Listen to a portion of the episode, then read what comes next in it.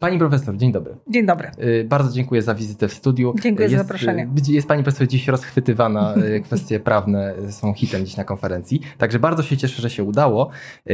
Mam pytanie. W jaki sposób pacjent może upoważnić swoją rodzinę do uzyskiwania informacji o stanie hmm. swojego zdrowia? E, pacjent może upoważnić nawet szerzej niż swoją rodzinę, może upoważnić wybraną przez siebie osobę, w zasadzie kilka osób, e, w chwili obecnej w dwojaki sposób. Po pierwsze, za pośrednictwem internetowego konta pacjenta, po drugie, poprzez złożenie takiego odpowiedniego oświadczenia, które się wpisuje do dokumentacji medycznej. Chodzi oczywiście o dokumentację indywidualną wewnętrzną. E, w przypadku internetowego konta pacjenta motywem podstawowym było to, żeby pacjent mógł sobie dopasować to swoje upoważnienie, czyli tą wybraną przez siebie osobę, do swojej sytuacji rodzinnej. Czyli innymi słowy, jeśli stwierdziłby po jakimś czasie, że jednak chce zrezygnować z tego wcześniejszego upoważnienia, jego sytuacja życiowa się zmieniła, chce wybrać inną osobę, e, to w każdym czasie tą zmianę może wpisać za pośrednictwem internetowego konta pacjenta.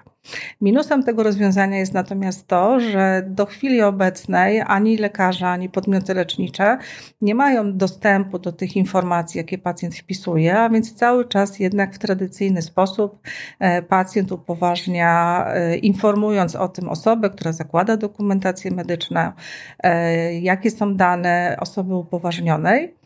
E, może to być oczywiście jedna osoba, to może być kilka osób, no i też w każdym czasie takie upoważnienie może zmienić lub odwołać. No i pacjent może też e, oczywiście dokonać takiego wyboru, e, zgodnie z którym nie będzie nikogo upoważniał, czyli może po prostu stwierdzić, że nie chciałby, aby jakiekolwiek informacje o stanie zdrowia były przekazywane komukolwiek. Bardzo dziękuję. A w przypadku pacjentów nieprzytomnych, jak możemy uzyskać takie upoważnienie? E, w przypadku bliskich? pacjentów nieprzytomnych e, sytuacja jest już właściwie, mamy tak naprawdę dwie sytuacje w jednej. To znaczy chodzi o pacjentów nieprzytomnych lub niezdolnych do zrozumienia znaczenia informacji e, i wówczas pacjent nie, nie upoważnia nikogo, bo nie jest w stanie. Natomiast to upoważnienie wynika z przepisów, które wskazują, że w takiej sytuacji informacja powinna być przekazana osobie bliskiej. To jest taka, mm, takie na szali położenie dwóch wartości. Z jednej strony tego, że to jest informacja o stanie zdrowia i nie znamy stanowisko, stanowiska pacjenta, bo on jest nieprzytomny lub niezdolny do komunikacji, no a z drugiej strony mamy pewną grupę e, członków rodziny, którzy mogą być bardzo zaniepokojeni stanem pacjenta e, i po prostu chcieliby taką informację od lekarza uzyskać.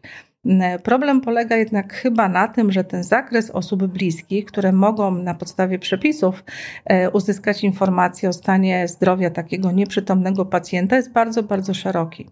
Dlatego, że to jest po pierwsze małżonek, e, po drugie to są krewni do drugiego stopnia, czyli mówiąc tak od praktycznej strony, to są dzieci, wnuki, rodzice, dziadkowie, to jest rodzeństwo chorego, ale to też są powinowaci, czyli teściowie, dziadkowie współmarzonka, pasier, pasierbica jego dzieci, więc przynajmniej w tym zakresie bardzo szeroki katalog osób, no i osoby pozostające we wspólnym pożyciu z takim e, chorym.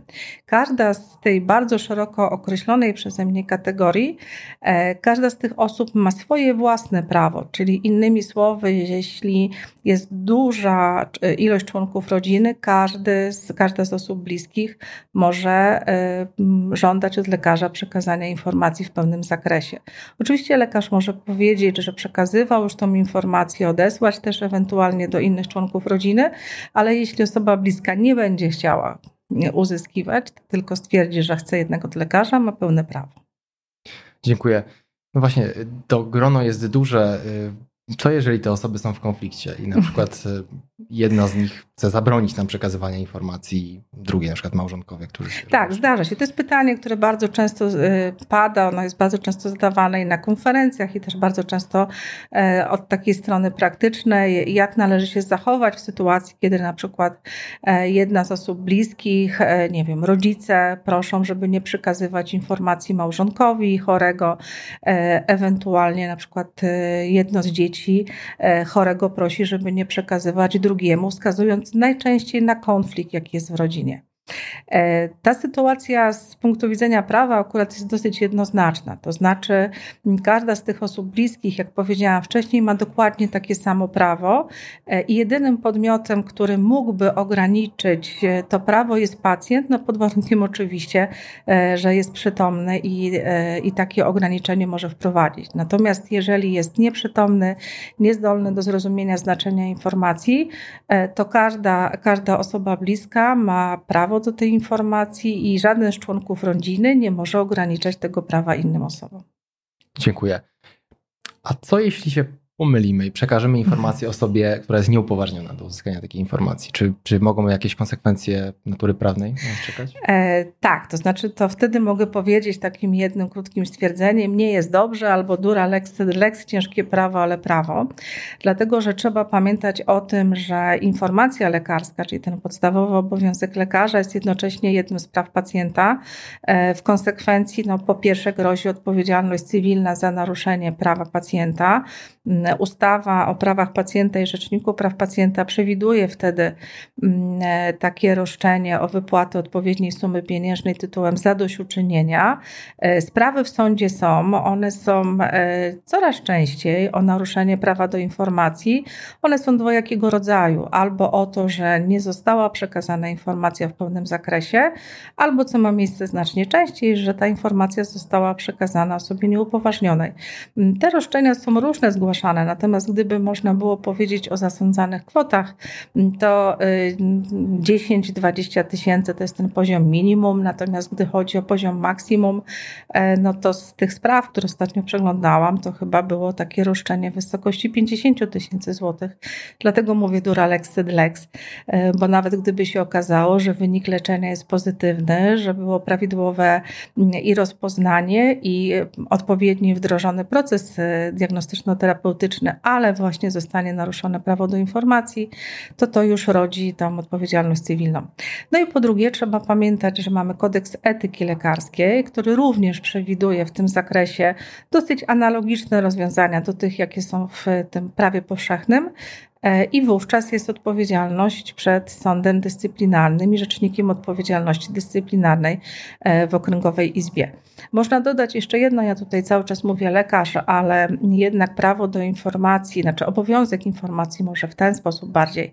E, on został nałożony nie tylko na lekarzy, ale na wszystkie osoby wykonujące zawód medyczny, a więc analogiczny obowiązek mają pielęgniarki, położne, ratownicy medyczni, diagności czy fizjoterapeuci mm, tylko każda z tych osób ma przekazywać informacje w zakresie no, tych udzielanych świadczeń zdrowotnych zgodnie ze swoimi umiejętnościami. Więc możemy powiedzieć, że mm, no, są pe pewne informacje, która, e, które będzie przekazywała pielęgniarka w stosunku do tych czynności, jakie wykonuje na zlecenie lekarskie, czy czynności pielęgniarskich, ale są też pewne informacje, o których, no tak się mówi dosyć skrótowo, że są zarezerwowane dla lekarza, jak na przykład rokowanie i to niezależnie od tego, czy jest korzystne, czy też nie. Mamy jasność, Pani Profesor, bardzo dziękuję. Dziękuję bardzo.